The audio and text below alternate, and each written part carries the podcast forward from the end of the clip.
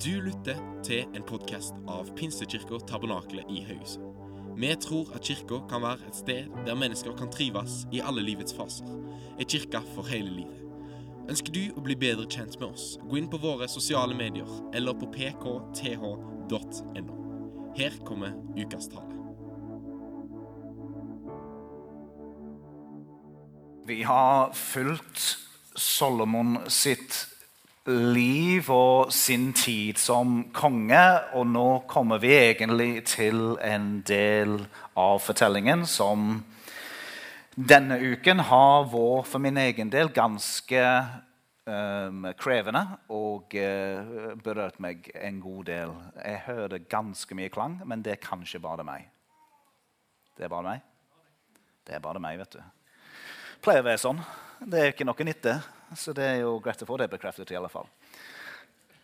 Hvis du har Bibelen, så skal vi lese teksten, og teksten er første kongebok 11. 1 til og med vers 8. Men foruten faros datter elsket kong Salomo mange fremmede kvinner. Kvinner fra moabittene, ammonittene, edomittene, sidionene og hetittene.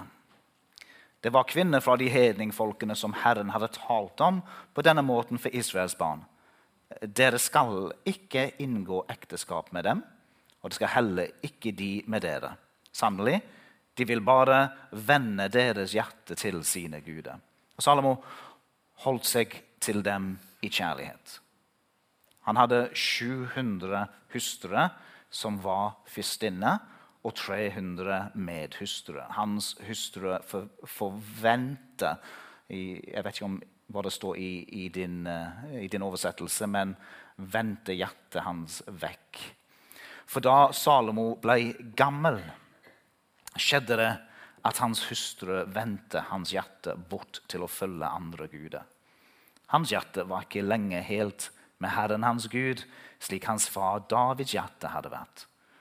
For Salomo fulgte Astarte, sidionenes gudinne, og Milkom, ammonittenes avskyelige avgud. Salomo gjorde det som var ondt i Herrens øyne, og som fulgte ikke Herren helt og fullt, slik hans far David hadde gjort. Så bygde Salomo en offerhaug for Kamosh, Moabs avskyelige avgud, på berget øst for Jerusalem, og for Molok, eller Molek, Ammonfolkets av Gud. Han gjorde det samme for alle de fremmede hustruene sine, som brente røkelse og ofret til sine guder. Skal vi be sammen, Fader? Vi igjen takker deg for ordet ditt. Takk at ordet ditt er levende, og det er virkekraftig, og det er mat for vår sjel. Og nå ber jeg, gode Hellige Ånd, at du gir oss lyttende hjerte. At du åpner våre åndelige øyne, slik at vi ser sannhetene, juvelene, dybdene i ditt ord, Herre. At du, du berører oss, at du kaller oss. Takk, Jesus, for din godhet og din nåde. Og må din nåde også gjennomstrømme det som vi skal snakke om i dag. Vi ber om dette i Jesu navn. Amen. Og Det er en forferdelig tanke å tenke at livet mitt har blitt mislykket, eller at jeg har mislykkes med livet. Altså, når man nærmer seg slutten av sitt liv, hvis man skal oppsummere og tenke at jeg har egentlig mislykkes med livet mitt. Og Da må man jo spørre seg sjøl hva er det å lykkes, og hva er det å mislykkes. Hvis jeg skal snakke med slike ord og på en måte oppsummere litt hva, jeg, hva sitter jeg igjen med, så kan man Og det er alltid hyggelig å begynne det. Man kan jo tenke på gjerninger, ting jeg har gjort, og tenke det har jeg lykkes med. Så jeg har, jeg har, jeg har tatt en utdanning, så det, det har jeg lykkes med. Jeg sprang terrengløp når jeg var elleve år, og jeg har bilder. jeg har trofeen, førsteplass i fylket, det var, det var suksess. Det. det var å lykkes. Jeg bygde et hus sammen med familien på Fiskerstranda på Sunnmøre. Ja, det, det, var jo å lykkes. Det var noe vi hadde drømt om. Det, du kan se på Jeg har en jobb, jeg har en, eh, fått en karriere, jeg har mange ansatte, jeg har tjent så og så mye penger. Jeg har, jeg har de antall kronene på kontoen, og en dag så har jeg gjort det slik at det skal bli arv til mine barn. Så jeg har sørget for at de som kommer etter meg, at de, de får en god arv. Jeg hjelper dem litt den neste generasjonen. Sånn kan vi tenke. det. Jeg har lykkes. Men man kan jo også tenke at ja, ja, jeg har jo jeg har lykkes med arbeidslivet, jeg har lykkes med å sette av penger. Men jeg har ikke det nære forholdet til mine barn som jeg ønsker jeg skulle hatt. Sant? Så det, det, er ting som du kan tenke jeg har lykkes med dette. Men det er noen relasjoner som ikke funker som det skulle. Jeg, jeg, jeg mislykkes der. Det, det fikk jeg det ikke til. Og det er jo sånn livet er. Livet er jo en blanding av på mange måter suksess og det å ikke lykkes med ting. Og mislykkes og lykkes. Sant? Vi kan tenke på livet slik at jo, det er ting jeg har lykkes med, så er det ting jeg også har mislykkes med. Men det er kanskje best å tenke på det vi har lykkes med. Det er i alle fall en trøst. i alle fall. Det er jo ikke noe godt å tenke på de tingene som man kjenner dette fikk jeg ikke til. Vi liker helst å snakke om det som vi har lykkes med. Men det er helt klart at når vi ser på Solomon, og vi skal oppsummere hans liv På tross av store ting han har gjort Han har bygget Herrens hus, tempelet. Han har ledet Israel i en tid av fred. Den viseste mann på jorden. Hvis man skal oppsummere livet hans, kan vi på en måte si her er det noe som lykkes, og her er det noe som er mislykkes. Og det går litt opp i opp. Og min konklusjon er jo at det kan vi ikke gjøre ut ifra det Bibelen sier. At det kollapser, og det som Solomon mislykkes med, er så overskyggende, er så stort, at det hjelper ikke med de andre områdene som han kan si ja, men jeg, jeg bygde dette. Og jeg, jeg, jeg dømte rettferdig med ganske mange saker. Og jeg Det er ikke tvil om at Individuelt så kan vi se på ting i Solomons sitt liv og tenke det er godt gjort. Kjære med tid. Og tenke på tempelet som han, han, som han reiste. Det er en stor gjerning. Men allikevel, når vi kommer til denne teksten, når vi ser på hva nå skjer i hans hjerte og i hans liv når han var gammel, så kan vi ikke komme fram til noe annet enn at kong Solomon han mislykkes. På engelsk He was a failure. Så skal jeg legge litt ut om det. da. Er du oppmuntret? Kjenner du at det sitter løst en halleluja her?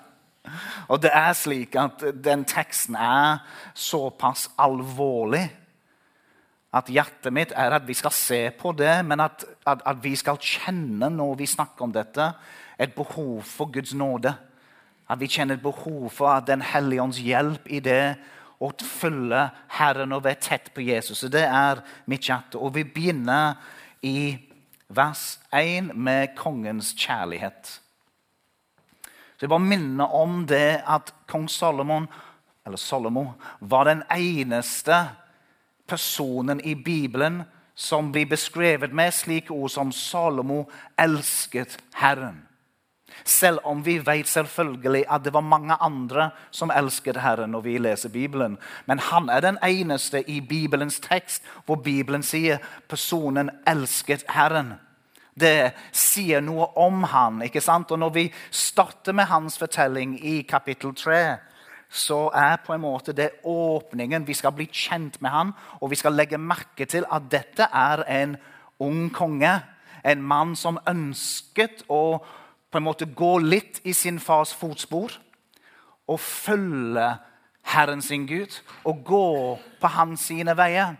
Der åpner kapittel 3. Solomo elsket Herren. Men når vi kommer inn i kapittel 11, så det er et dramatisk fall ned en klippe. Vi skal legge merke til det dramatiske, den, den voldsomme endringen som nå plutselig skjer. Nå er det ikke slik at kong Salomo elsker Herren, men nå elsker kong Salomo mange fremmede kvinner. Kjærligheten hans har endret allianse. Det som var viktigst for han i kapittel 11, er noe annet enn det som var i kapittel 3. Hans hjerte har blitt grepet av disse kvinnene, disse fremmede kvinnene, disse kvinnene fra moabittene, ammonittene, edomittene, sidionene og hetittene. Alle disse navnene. Men det, det, er jo ikke poenget, selv om det er et lite poeng.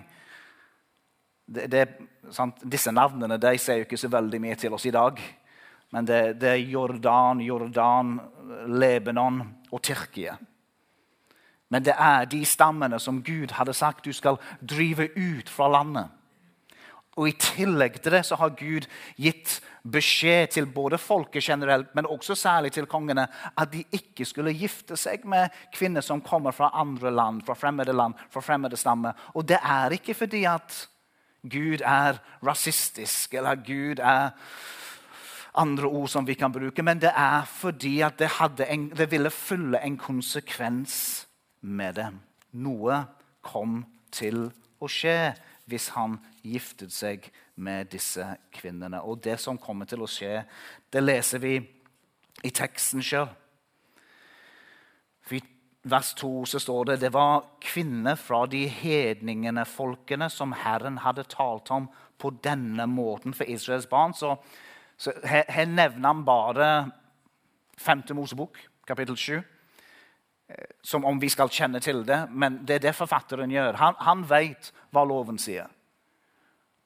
Og igjen, forfatteren, i, i motsetning til første krønikene, forfatteren ønsker å være ganske tydelig. Han ønsker ikke å male og skjønnmale Salomo, men han ønsker å vise virkelig hva som er problemet her. Og Problemet var bl.a. at Salomo nå vandrer vekk fra det Gud har sagt. At Salomo på en eller annen måte tenker at det du sier i ditt ord, det er for smalt. Det du sier i ditt ord, det er for vanskelig. Det jeg tenker om det du sier, er viktigere enn det du sier til meg. Så, så noe har skjedd i Salomos tenkning og i Salomos hjerte og han nå vender seg inn mot disse kvinnene. Det var disse kvinnene dere, dere skal ikke inngå ekteskap med dem, og de skal heller ikke de med dere. Sannelig, de vil bare vende deres hjerte til sine avguder. Det, det, det er poenget. Sånn. Poenget er at Bibelen sjøl sier at om du, om du gjør dette, så kommer hjertet ditt til å bli vendt til deg sine avguder. Det er avgudene. det er allianse, trofasthet. Og da kommer jo dette ordet at Salomo holdt seg til dem i kjærlighet. Holdt seg. Salomo holdt seg til dem i kjærlighet. Og på hebraisk så holdt seg. Det er ordene som brukes i forbindelse med når du har vielse, og du skal si vielsesløftene, vil du holde deg til. Vil du være trofast mot den ene? Vil du gi ditt hjerte til denne mannen, til denne kvinnen? Dette å holde seg brukes i det type forholdet, men det brukes også i Det gamle testamentet i forhold til Gud. At vi skal holde oss til Gud, den ene guden, Israels Gud. Og det har jo ikke Salomo gjort.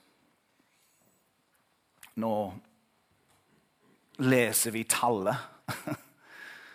Og tallet er voldsomt, for å si det mildt. Men vi skal ikke på mange måter henge oss opp i tallet. Vi kunne gjort ganske mange morsomheter rundt dette. Men det gjør vi ikke, fordi det fortjener ikke å spøkes med. Vi forstår at det er noe alvorlig galt med Solomo sitt hjerte bare ut ifra tallet.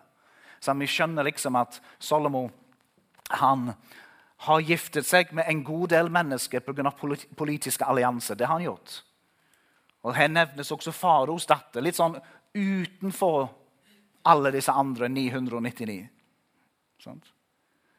Og det, det skrives, Flere skriver at hun antageligvis vendte om fra sin bakgrunn og, og, og sin tilbedelse av Gud og, og, begynte å tro på Israels Gud. Det er flere som, som poengterer litt dette, at, at hun fremstiller seg et litt mer positivt lys.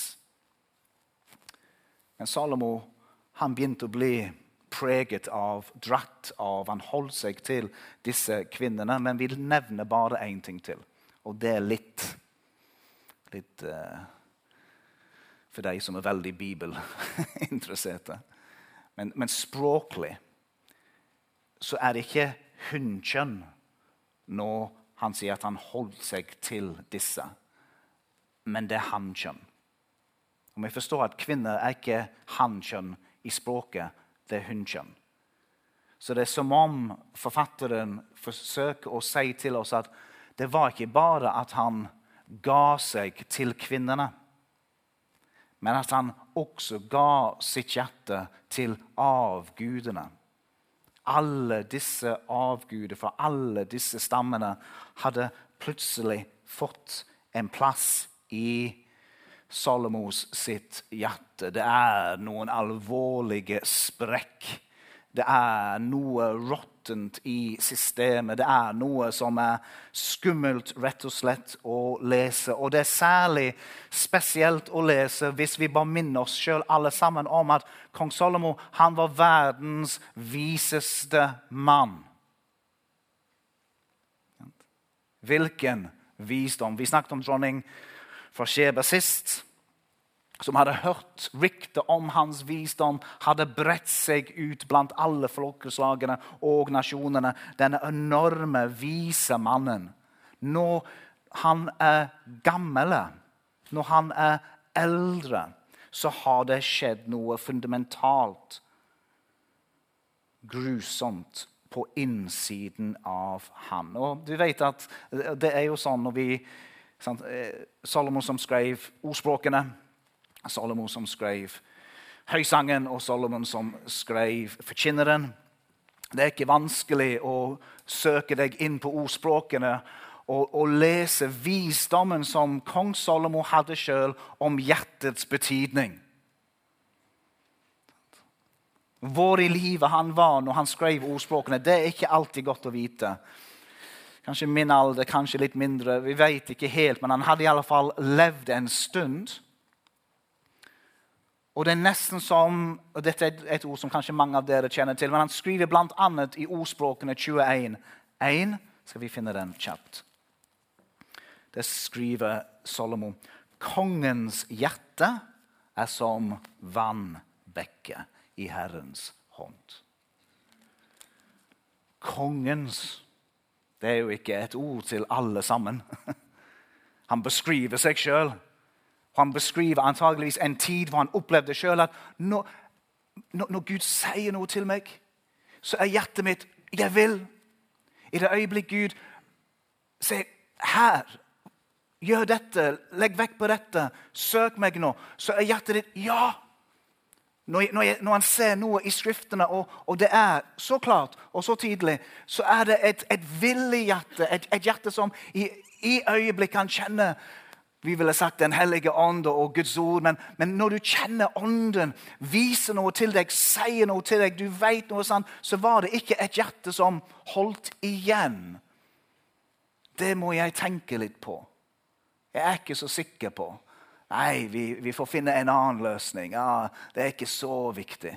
Nei, Her sier Salomo sjøl at hans hjerte var et hjerte som sa ja i det øyeblikk Gud sa noe til ham. Og vi kjenner alle sammen til det som sto i ordspråkene fire, hvor han også sier 'bevar ditt hjerte framfor alt'. Salomo, det, det, det, det er, det, jo det jeg tenker på når jeg leser dette. Salomo, du, du visste dette. Salomo, du veit. Du skrev det sjøl. Bevar ditt hjerte framfor alt du bevarer, for livet utgår fra det. Hva er det viktigste for ditt liv? Jo, ditt hjerte, det er det viktigste. Hvordan står ditt hjerte til? Bevar ditt hjerte framfor alt du bevarer. Så på et eller annet sted så hadde kong Solomon introdusert en ny kraft inn i hans hjerte. Om du vil, en ny autoritet inn i hans hjerte. Slik at det, hvor det var Herren en, en, en god periode, en, en, periode i hans liv, så begynte det etter hvert skje en endring i hans hjerte. Når Bibelen snakker om hjertet, så snakker Bibelen om det, det viktigste delen av oss. Og ikke blodpumpe, selv om det er veldig viktig, det også. Det, er liksom sentrum av deg.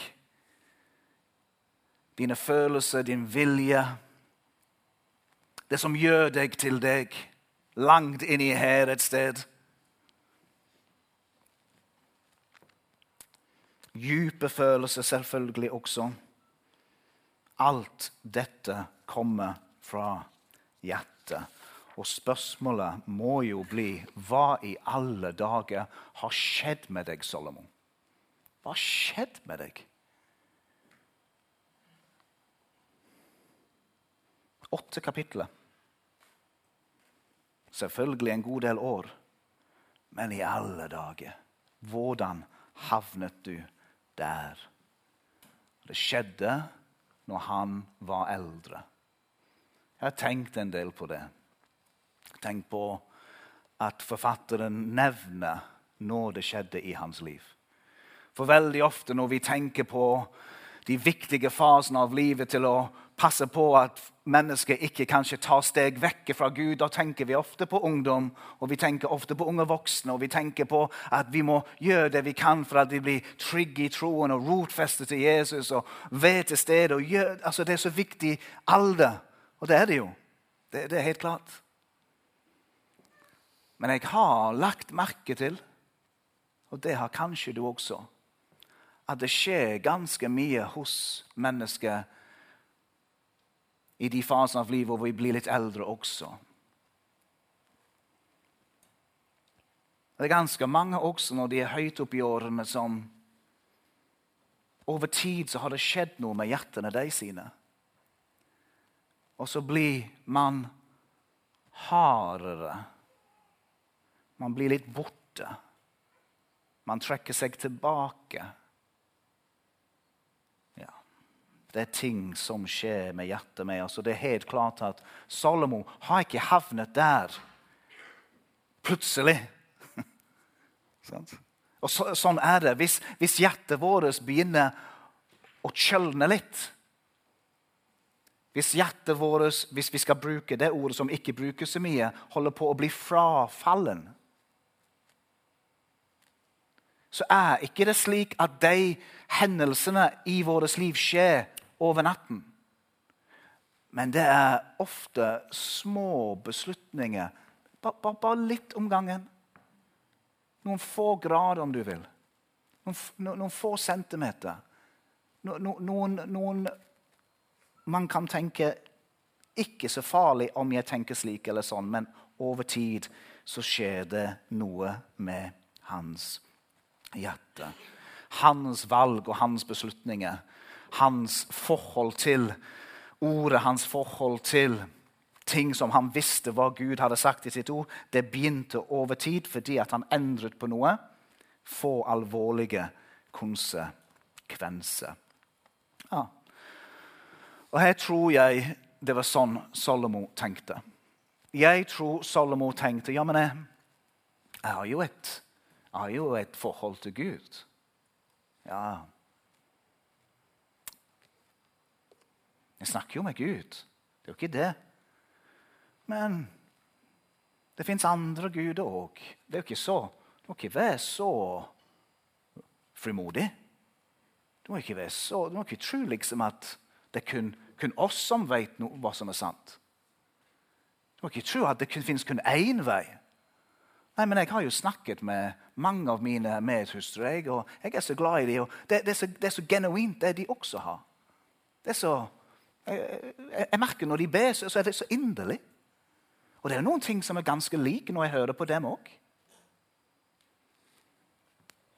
Kanskje Hvis vi skulle bruke dagens språk om Solomon når vi snakket med ham, så vi hadde vi bare sagt at han var ganske open-minded. Ganske, ganske altså, altså åpen. Han er raus. Han er tolerant. Han er ganske fleksibel. Ja, han, ikke, han tar det ikke så bokstavelig. Jeg tror kanskje det er slike ord vi hadde brukt om han. Men det vi leser om Salomo her, er det vi hadde kalt for hjertesvikt. hvis vi brukte medisinspråk. Vi kan se på utsiden av Salomo, og egentlig så er det fortsatt et tempel, og det er fortsatt et tempel med gull. Storhet, imponerende fortsatt et voldsom rikdom og kraft i dette riket. Men på innsiden av Salomo så er det det vi kan kun beskrive som hjertesvikt. Hjertesvikt. Det vet vi alle sammen er alvorlig.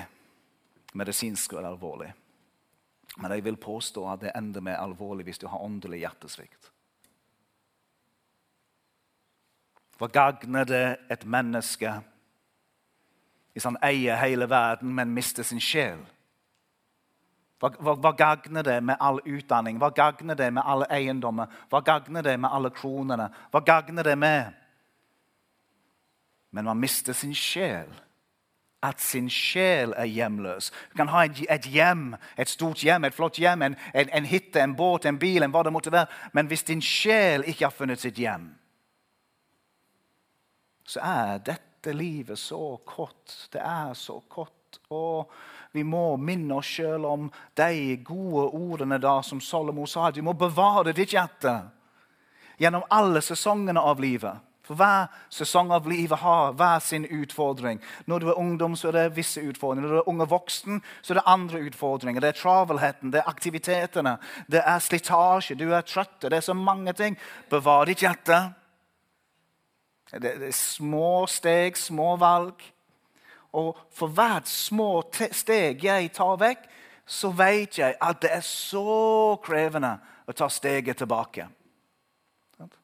For hvert steg jeg tar hvor hjertet mitt blir litt hardere Det er nesten som om du ikke kjenner det engang, men du kjenner litt, kanskje. Jeg har brukt det bildet mange ganger, jeg, men, og det er jo ikke mitt bilde. jeg har lest det i en bok. Så, men, men, at hjertet ditt er som en gitar. og hvis den gitaren henger på veggen Det var helst ikke det bildet, Ørjan. Det var det bildet fra Jerusalem jeg ville ha der. Takk. Det var et selvbilde, forresten. En selfie. Det var den, ja. Fint det er um, Du henger gitaren på veggen, men om du lar gitaren henge det over tid, og du tar gitaren ned, og du skal spille gitaren, hva skjer da, Tor Egil? Han er sur, sant? Det er, det er noe som ikke stemmer. Du, du, du, må passe på å ta vare på gitaren og stemmen igjen. Og, og likeså er det når vi ikke tar vare på hjertet hjertet vårt, vårt åndelige hjerte, vårt, den viktigste delen av oss. Vi må passe på hjertet vårt, vi må bevare hjertet ditt. Du trenger åndens liv og åndens kraft og nåden og ordet og fellesskapet og bønnen og oppmuntringen. Vi trenger Den hellige ånd til å passe på hjertene våre når vi går gjennom. For ikke bare er det slik fordi at hvis jeg og, og om gitaren er stemt, og jeg går ned en gang og jeg dytter bort i noen er det noen som har falt borti noen noen gang? sant? Og de merker oh, Måtte du si det sånn?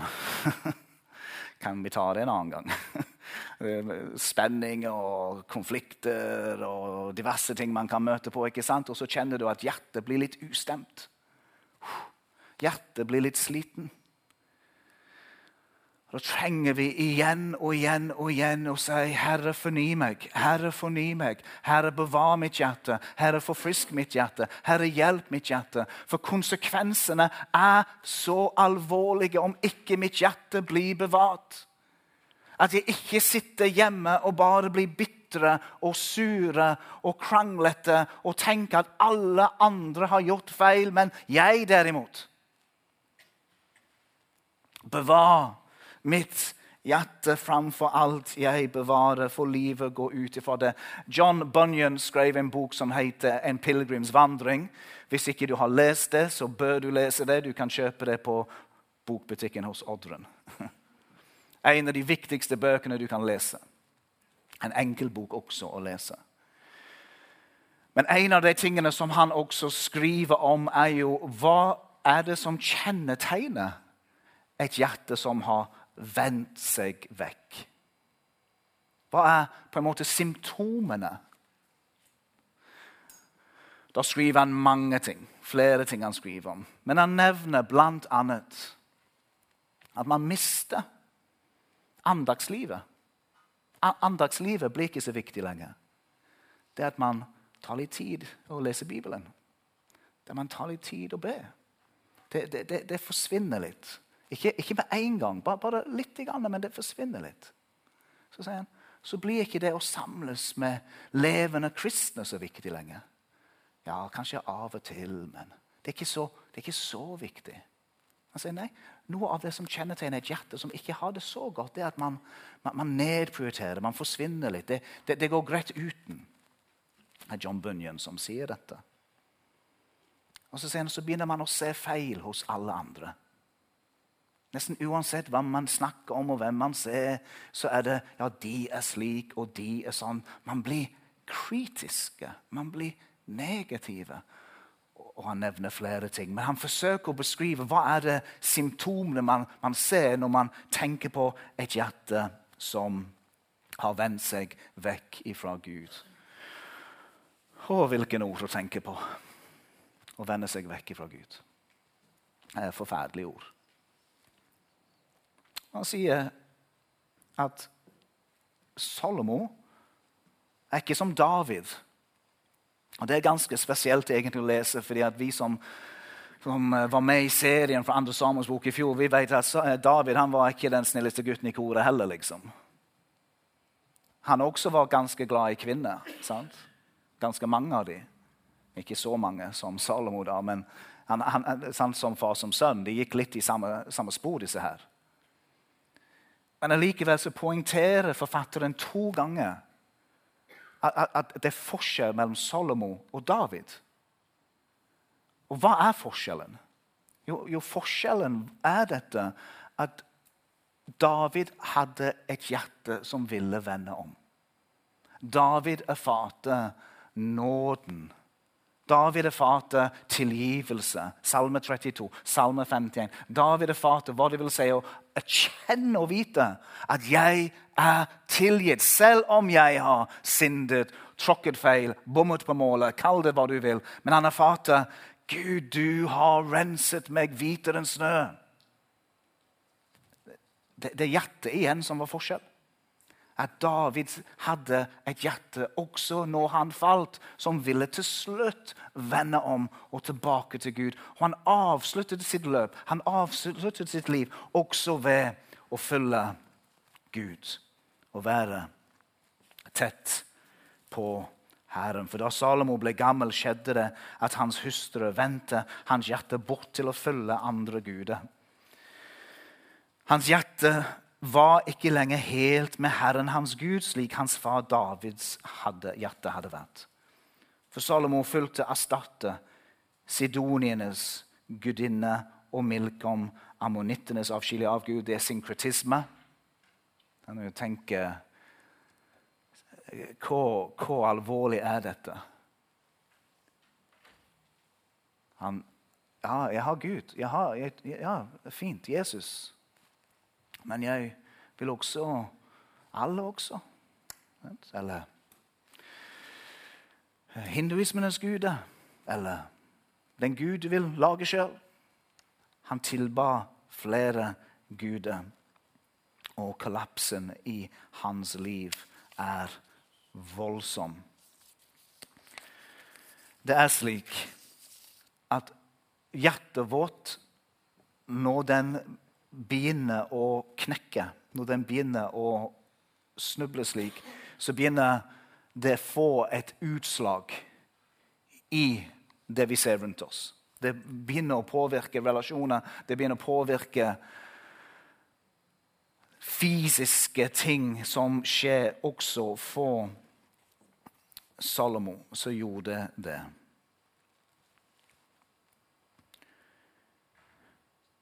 To ganger siden så snakket vi om tempelet som Salomo bygde. Og det var det, det, det, er så fantastisk å tenke på den dagen tempelet ble åpnet i kapittel 8. Men hva skjer nå? Nå ser du Jerusalem bak meg. Og du ser det hvor tempelet ville ha stått. Det er vel litt til høyre for al-akse, som er den, den, det, det, det kuplet som er gull. Og helt bort til høyre, det er øst. Og det er Oljeberget. Det var jo Salomo? På Oljeberget, øst for tempelet, det hvor de ba til Gud og tilba Gud, og Herrens herlighet var der, så reiste han opp alteret og offerhauget for avguder. Og det var ikke hvilken som helst avgude heller. Jeg skal ikke gå gjennom alle, men vi nevner i alle fall Molek. Og vi vet at den avguden, det ville de ofre barn. Og hvis ikke man, når man leser dette og forstår det enorme knekk og fall i Solomon sitt liv Har jeg mislykkes, eller har jeg lykkes med livet? Hva er det største budet? Jesus sier du skal elske Herren din Gud av hele ditt hjerte. All din kraft, all din forstand. hele Din, du skal elske Herren din Gud. Hva er det Paulus sier? Alt dette, utdanningen min, erfaringen min, kunnskapen min, slekten min, navnet mitt, regner jeg for skrap, for søppel i forhold til det å kjenne Kristus og Han korsfestet. Hva er det å lykkes i livet? Å lykkes i livet er at mitt hjerte er helt med Herren. Å lykkes med livet er at mitt hjerte er grepet av Herren. Å lykkes med livet er at gjennom hele livet, gjennom alle sesonger av livet, så har jeg et hjerte som er bevart, et hjerte som er myk, et hjerte som, som er som vannbekke. Når Herren taler, når Herren oppmuntrer, når Herren viser noe, så er mitt hjerte ja, Herre. Å, gi meg et villig hjerte. Gi meg et villig hjerte. Ikke la livets komplikasjoner, synd som henger seg så lett fast Krefter, åndelige krefter ikke la dette gripe mitt hjerte. Ikke la det dra mitt hjerte vekk. Ikke la mennesket dra mitt hjerte vekk. Kan jeg lære av Solomo? Kan jeg lære av denne mannen som var så vis, og som hadde så mye i sitt liv? Og jeg kan lære at jeg trenger Guds nåde gjennom hele livet mitt. Den som tror at han kan stå, se til at han ikke faller. Jeg er frelst. Jeg er født på ny. Jeg er nyskapning, jeg er Kristus, men jeg trenger nåden fra himmelen. Jeg trenger Den hellige ånds kraft. Jeg trenger brødre og søstre som oppmuntrer meg, og som ber for meg, og som hjelper meg å følge Jesus også i de tidene av livet mitt som jeg kjenner nå er det vanskelig.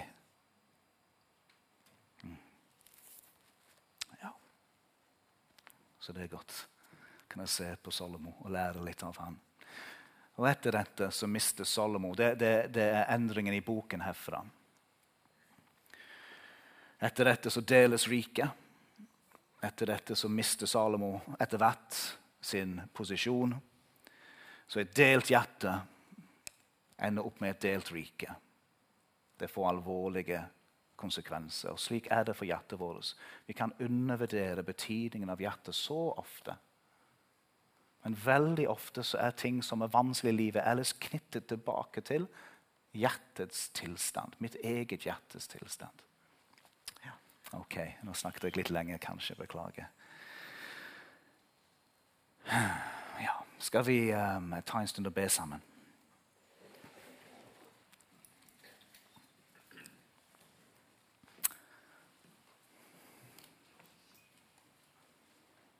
Herre Jesus, vi kommer til deg.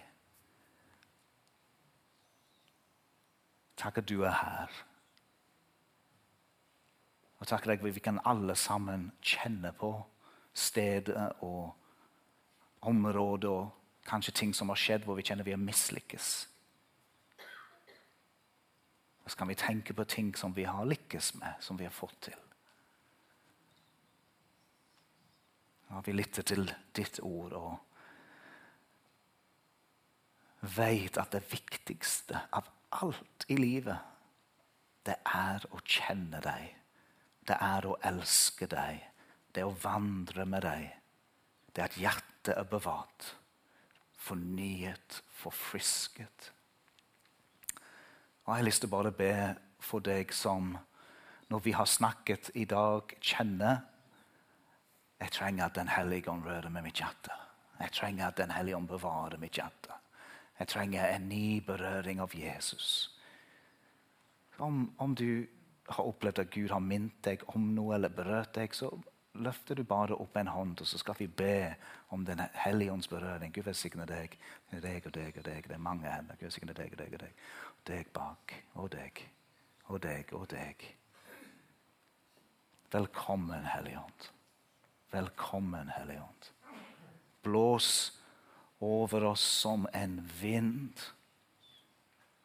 Kom, Hellige Ånd, som en due og hvil. Hvil på de menneskene som rakk opp sin hånd akkurat nå. Kom, Hellige Ånd, og bevar og forny og forfrisk den enkeltes hjerte. Takk for at vi kan ta en beslutning i dag om at mitt hjerte skal gå helt med deg, Herre. Hjelp meg å gå helt med deg, Herre. Vis meg hvis det er andre ting som holder på å dra mitt hjerte vekk slik at jeg kan knuse disse avgudene. De ting som vil få min oppmerksomhet og min kjærlighet. Nei, det er deg, Jesus. Det er bare deg. Det er bare deg, Jesus. Det er deg vi tilber. Det er deg vi ærer. Det er deg vi kommer til. Takk for en ny start.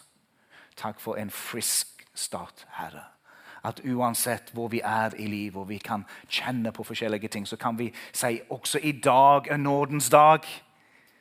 I dag er frelsens dag. I dag er dagen for en ny start, en ny, ny, ny uh, tid, en ny sesong med din nåde og med din kraft, Herre. Å, Herre. Gode Hellige Ånd. Takk for ditt nærvær. Takk for ditt nærvær. Takk for din hjelp. Takk for din berøring. Kom med din legedom. Det vår hjerte har blitt såret. Det vår hjerte har blitt angrepet.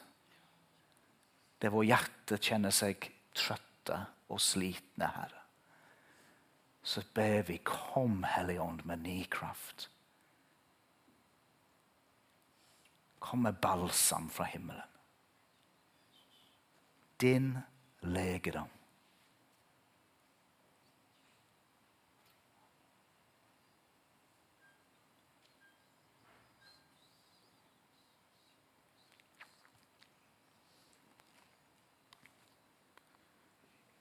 Salomo sa at Guds frykt er begynnelsen til visdom.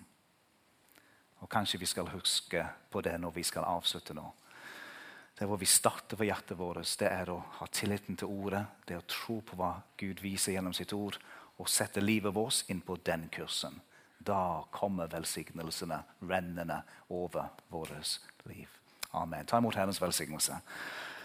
Herren velsigne deg og bevare deg. Herren la sitt ansikt lyse over deg og være deg nådig. Herren løfte sitt åsyn på deg og gi deg fred. Amen. Amen. Takk for at du lytta til vår podkast. Vi håper at undervisningen kan være til inspirasjon og hjelp inn i din livssituasjon. Du er hjertelig velkommen til møter i Pinsekirken Tabernakel Haugesund klokka tolv på søndager. Ha ei velsigna uke videre.